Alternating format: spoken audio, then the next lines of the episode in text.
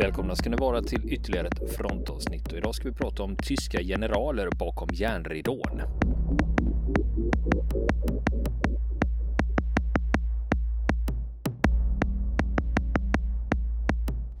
Ja du Niklas, eh, då är vi tillbaks till Wilhelm Adam.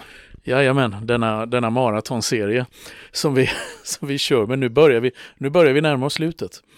Ja, jag kollade faktiskt när vi började och det var ju i vintras någon gång. Eller ja, gud, det var, det, var ju, det var ju bara ett, en dag eller två efter uh, Rysslands attack mot Ukraina och sen har det ju Sen har det blivit fler avsnitt än vi har räknat med och sen har det blivit lite, uh, lite avbrott emellan då som vi inte har räknat mm. med. Nej, det ja. var faktiskt så. Ja, och jag får flagga redan nu att i sommar kommer det eventuellt att bli lite avbrott också. Men det, ja. Och det beror på verksamhet på annan ort då. Så. Just det, just det. Ja, ja. Men vi, kom, vi går ut med det när det börjar bli dags för avbrott och sånt.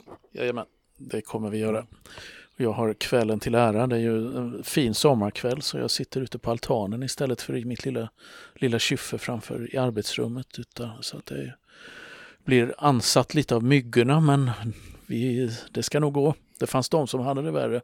Till exempel de i Stalingrad. Ja, de hade inte problem med mygg i alla fall. De hade inte problem med mygg, men en massa annat. Och eh, när vi lämnade vår eh, kära adjutant Wilhelm Adams senast så ja, då hade ju allting snabbt gått åt skogen. Och eh, det var ett elände och de sista flygplanen hade eh, lämnat Stalingrad för gott. Det gick inte längre att flyga in och det var luftförsörjningen som inte fungerade och allt eländes elände. Men eh, sånt där vet ju våra lyssnare. Så att säga. Och eh, nu tänkte jag att vi ska hoppa in på vad Adam skriver om kapitulationen och vad som ledde fram till den. Och då är det precis i månadsskiftet eh, mellan januari och februari 1943 Eh, och han har, han har skrivit om eh, korrespondensen, telegrammen som utvecklas mellan Paulus och Hitler. Där de att kämpa till sista patron och så vidare. Och eh, hur, hur otroligt frustrerad han blev av de här verklighetsfrämmande budskapen från Hitlers högkvarter.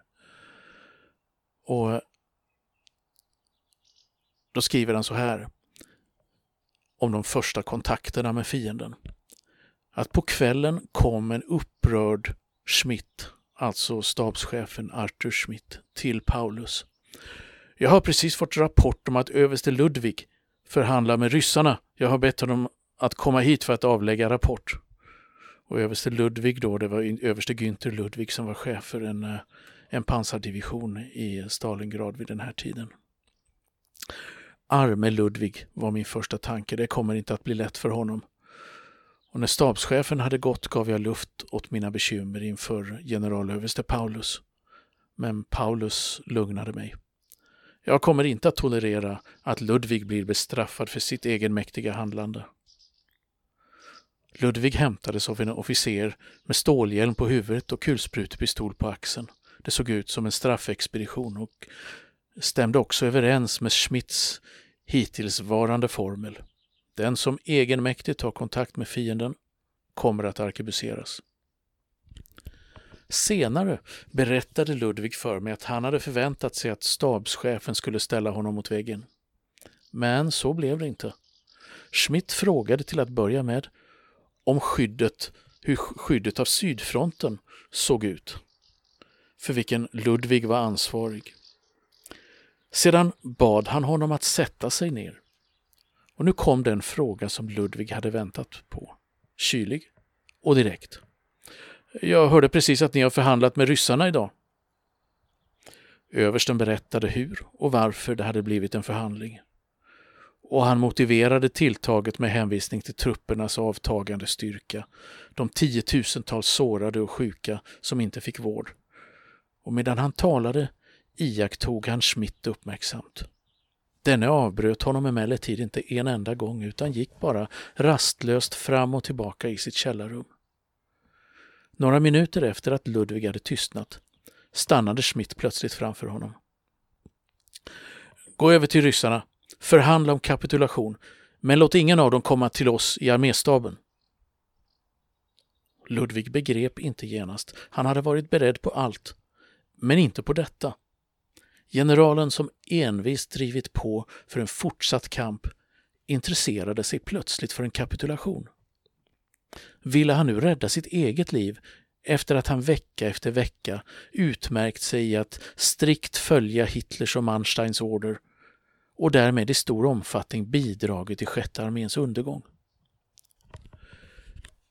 Om det var allt, herr general, svarade Ludvig, så tror jag att jag kan lova att en förhandlare står här utanför källaren klockan nio imorgon bitti. Gott Ludvig, gör så. God natt. Överste Ludvig berättar att han aldrig i hela sitt liv blivit så förbluffad som efter detta märkliga samtal med Schmidt. Denne gick efter sitt samtal med översten till, till Paulus men berättade ingenting om hur samtalet hade avlöpt utan rapporterade enbart att han gett Ludvig uppdraget att förmedla kapitulationsförhandlingar för arméstabens räkning.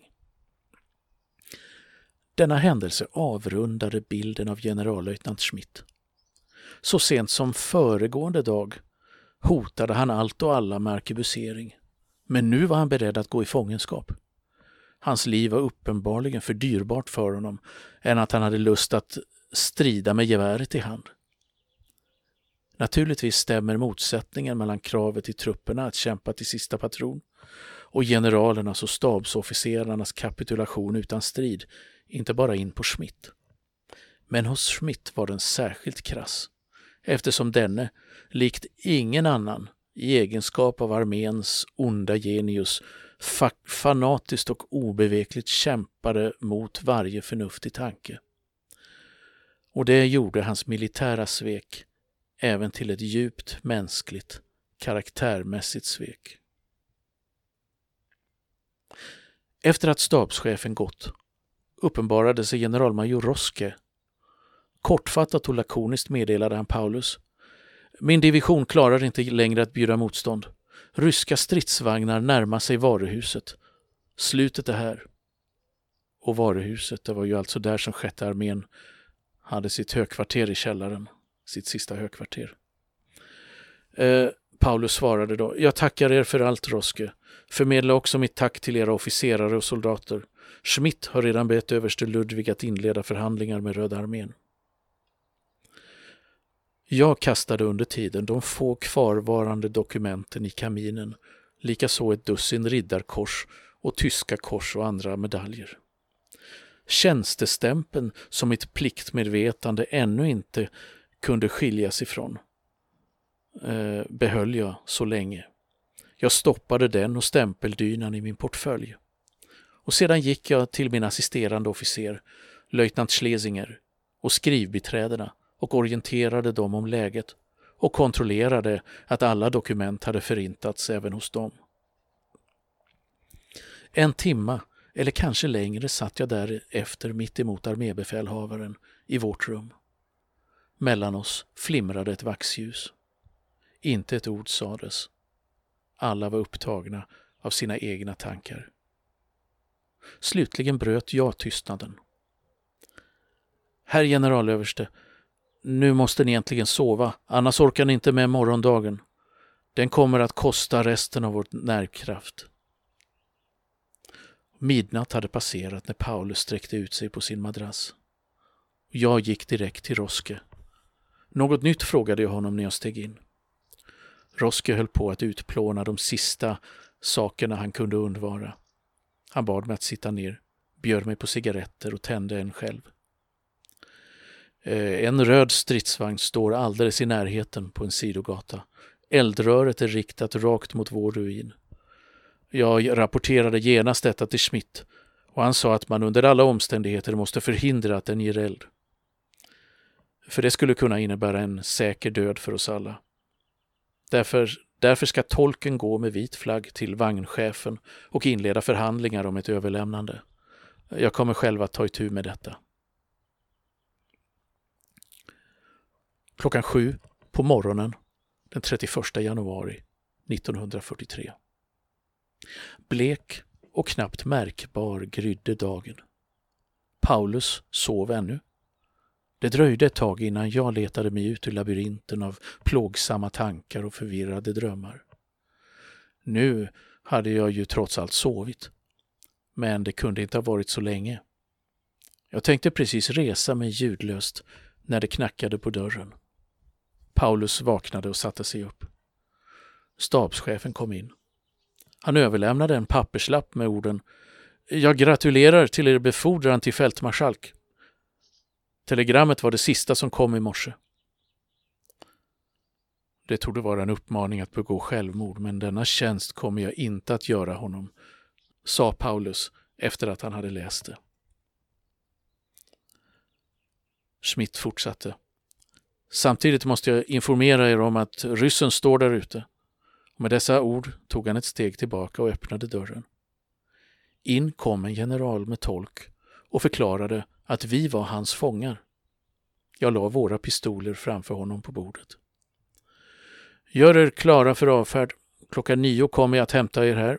Ni åker med egen bil, lät den sovjetiske generalen översätta och lämnade därefter rummet tillsammans med tolken. Det var bra att jag fortfarande hade vår tjänstestämpel kvar. Jag fullbordade min sista officiella åtgärd.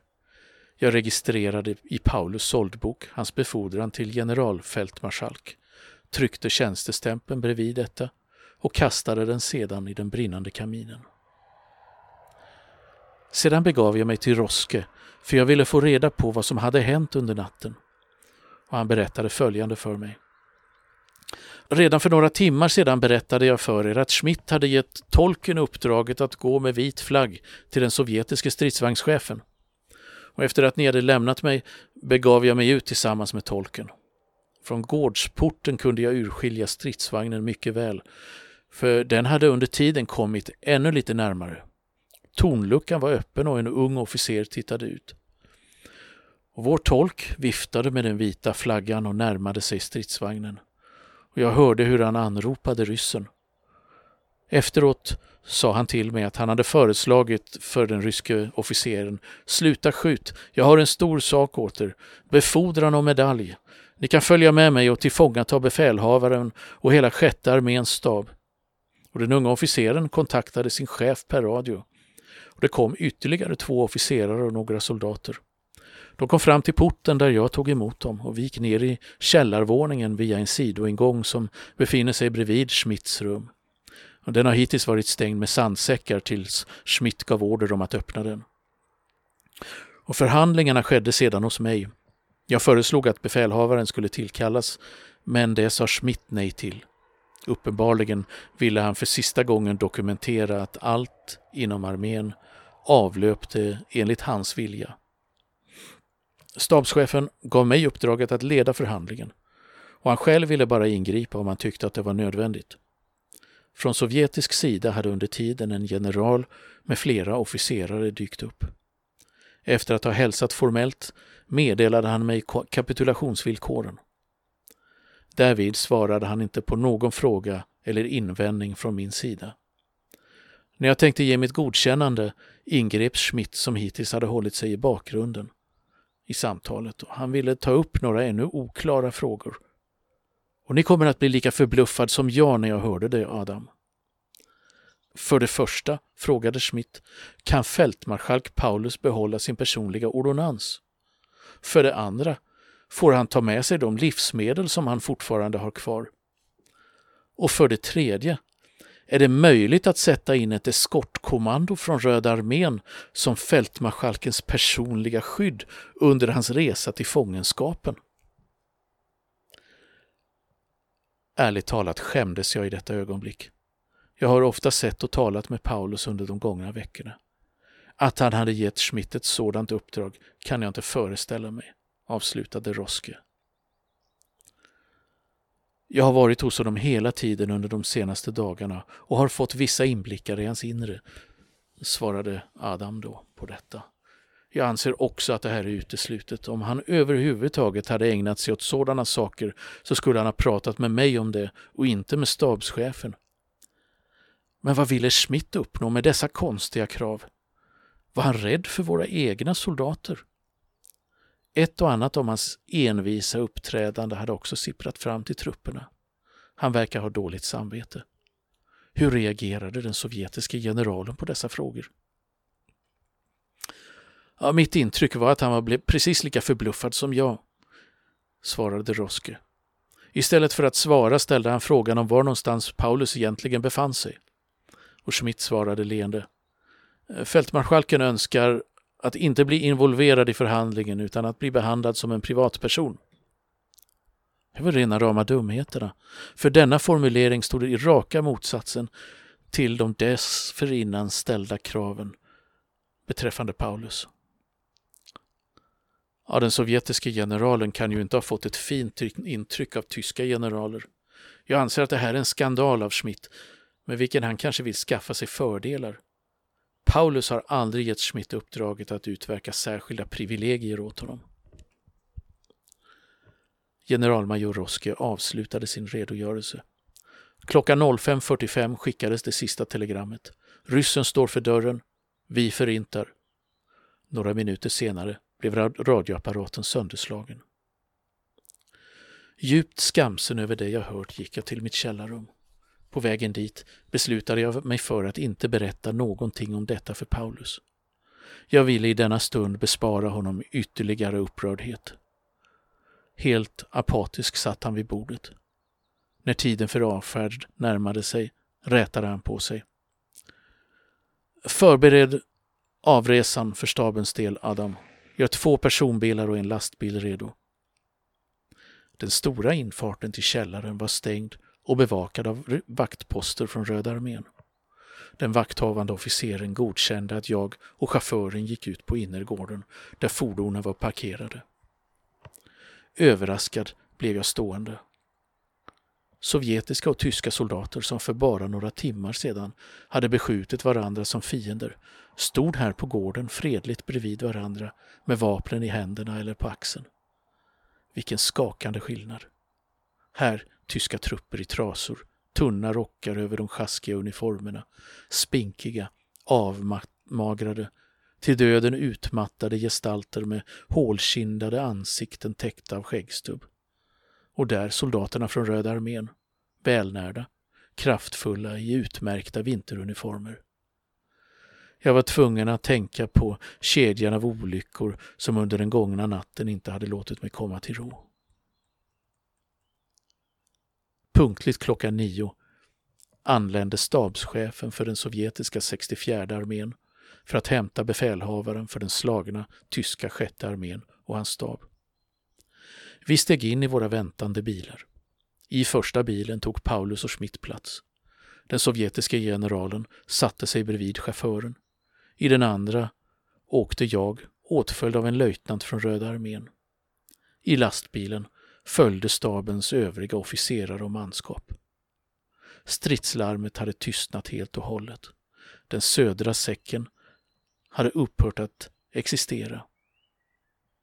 Den mellersta säcken i Stalingrad, under den sedan under de senaste dagarna befordrade generalöverste Heitz, kapitulerade likaså den 31 januari 1943.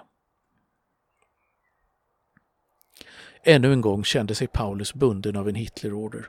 Han ansåg sig inte ha befogenheter att ge befälhavarna för de andra säckarna order att kapitulera eftersom Hitler personligen hade tagit befälet över dem.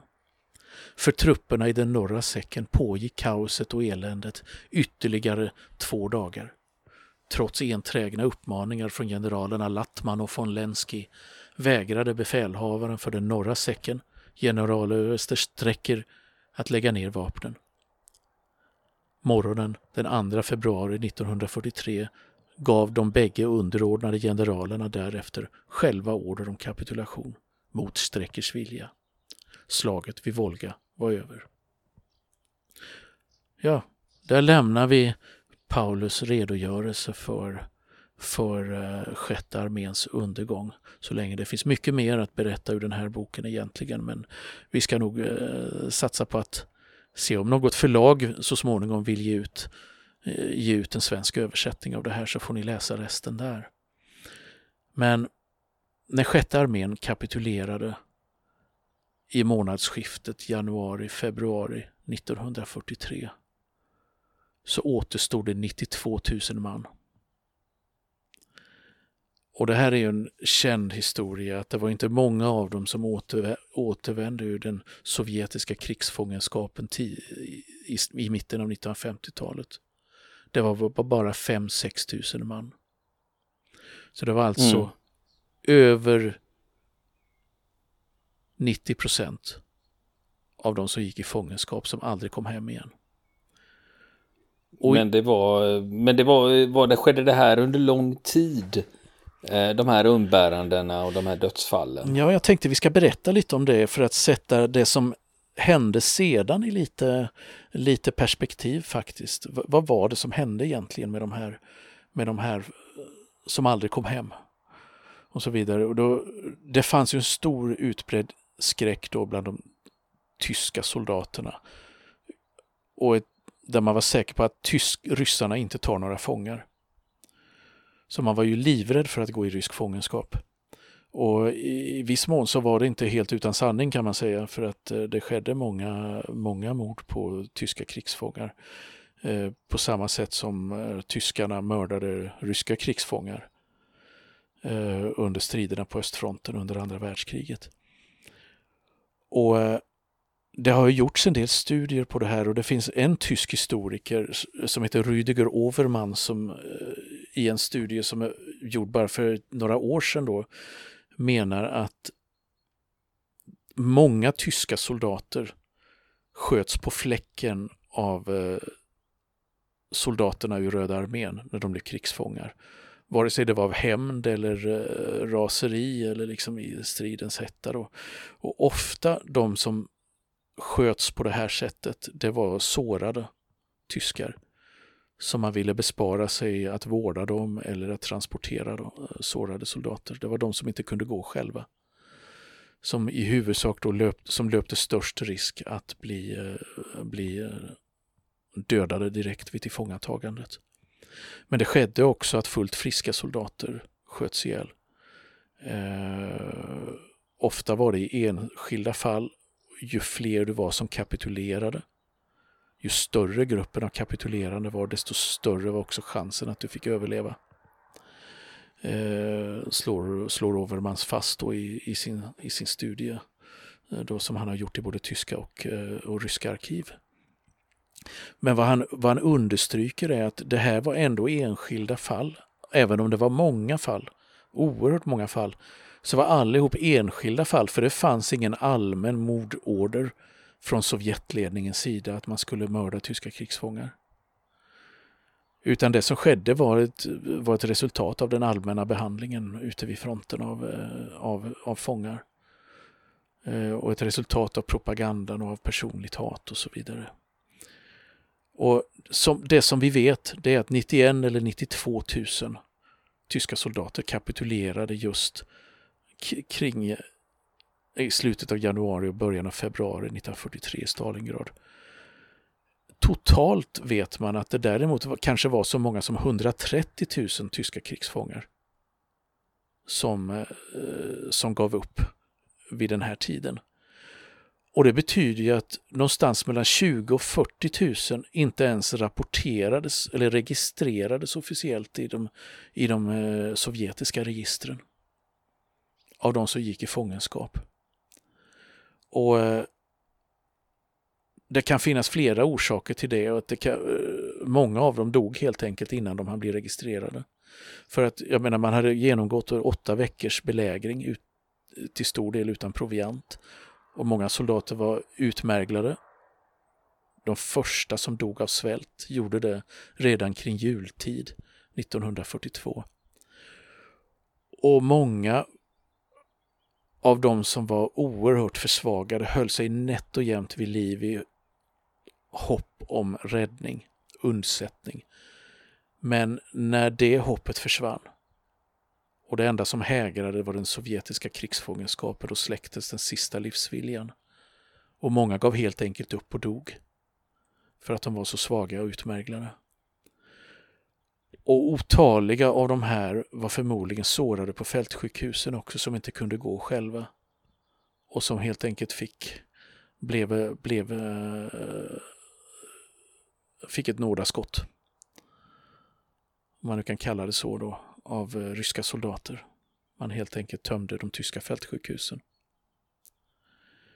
Eh, men varför överlevde då så få av de här drygt 90 000 soldaterna som man säkert vet vandrade i krigsfångenskap? Jo, det fanns inga förberedda fångläger som kunde ta emot dem. Det fanns bara två mindre uppsamlingsläger i, min, i närheten av Stalingrad. Och de, de var mer avsedda som samlingspunkter från vilka man då sen skulle ja, processa soldaterna, registrera dem och slussa dem vidare till, eh, till eh, andra läger. Eh, så det var, ju, det var platser som man inte skulle stanna på så länge och det, det, ena av dem det var bara en tom by, alltså det var eh, civilbefolkningen hade evakuerats. Och i det andra det handlade om några magasins eller fabrikshallar som saknade både fönster och dörrar. Så att det var inte mycket till läger kan man säga och det räckte naturligtvis inte för alla. Och eh, det fanns ingen uppvärmning. Och det fanns katastrofalt lite underhåll och medicinsk vård för de överlevande soldaterna. Och det har till och med i enstaka fall i de här uppsamlingslägren där soldaterna, de, de överlevande från Stalingrad tvingades stanna i flera månader, så har man, har man även dokumenterat enstaka fall av kannibalism. Alltså man, man åt varandra eh, därför att maten inte räckte till. Och alltså det hör till att de, inte ens de ryska vaktsoldaterna hade mat. De var också utanför proviant och därför försvann sånt som egentligen skulle ha gått till fångarna. För det tog vakterna i första hand. Och det som blev över, det lilla, det, det, det fick, fick eh, krigsfångarna. Eh, ja, de smulorna fick eh, vad allt de fick. Och det förekommer också uppgifter Eh, de är inte bekräftade, noterar eh, Overmans, då, historiker, men eh, det finns flera uppgifter från olika håll. Eh, då om att eh, sovjetiska det fanns sovjetiska militärläkare som bara behandlade tyska krigsfångar mot betalning eller andra mutor. Annars fick det vara. Och de här soldaterna var ju i oerhört dåligt skick redan när de gick i fångenskap och att utstå ytterligare strapatser då och umbäranden, det var de ju inte riktigt eh, eh, ja, i skick för att klara. Så enbart i det ena av de här uppsamlingslägren som heter Beketovka i närheten av Stalingrad, där dog 27 000 fångar, cirkus, från början av februari till mitten av juni 1943. Och det är alltså mer än hälften av dem som satt i det lägret. Och på andra samhälls, de andra samlingsplatserna var det likadant. Man har räknat med att två tredjedelar av de tyska krigsfångarna dog under de fyra första månaderna. Men sen annorlunda det var det med de 22 tyska generalerna och en herrans massa överstar och överstelöjtnanter och majorer som togs till fånga vid Stalingrad för att de fick eh, mer privilegierade förhållanden i eh, mer välordnade läger, skildes från manskapet så att säga och eh, eh, av, de då, av då generalerna så var det bara fyra eller fem som dog fram till mitten av 1950-talet när de sista Stalingrad-veteranerna fick resa hem. Och det var först fram på vårkanten 1943 då så började den sovjetiska lägerförvaltningen då att flytta fångar från de här samlingslägren som vi pratade om utanför Stalingrad till särskilda läger som man då hade hunnit bygga i utkanten av Gulagområdet, alltså de här sovjetiska strafflägren i Sibirien och på andra ogästvänliga platser runt om i Sovjetunionen. Och det var bara ett fåtal av krigsfångarna från sjätte armén då som blev kvar i Stalingradområdet och som tvingades arbeta med att röja upp i ruinerna och eh, delta i återuppbyggnadsarbetet i området. Men hur gick det då för de som transporterades iväg till de här andra lägren längre in i Sovjetunionen? Jo, de skedde i ouppvärmda godsvagnar man fick sällan någon mat under resan. Och därmed så inträffade ännu en dödsvåg. Så av de 30 000, omkring där 30 000 förflyttade fångarna så var det ungefär bara hälften som kom fram till de nya lägren. Men sen från sommaren 43 så skedde det en märkbar förbättring eh, för de ännu överlevande. Eh, och det berodde på de amerikanska hjälpleveranserna av livsmedel då som hade börjat komma i större omfattning till Sovjetunionen och som då delvis även nådde de tyska krigsfångarna. Och vid den tidpunkten så var det bara då ungefär 20 000 av de drygt 90 000 fångarna som ännu var i livet. Det är alltså, eh, ja, grovt räknat lite mer än var femte soldat som hade gått i fångenskap som ännu var i livet. Så hösten samma år, alltså hösten 43, så skulle den, eh, det som kallas då för den statliga lägerstyrelsen i Sovjetunionen, alltså Gulag, kommendera 50 000 tyska soldater från Stalingrad till tvångsarbete. Men man kunde då bara få ihop drygt 5 000 arbetsdugliga, alltså bara 10 procent. Vill ni komma i kontakt med oss så kan ni göra det via vår Facebook-sida som heter Fronten. Det är inga problem för er att leta er fram där. Eller också så mejlar ni på vår mejladress och det är frontenpodcast.gmail.com.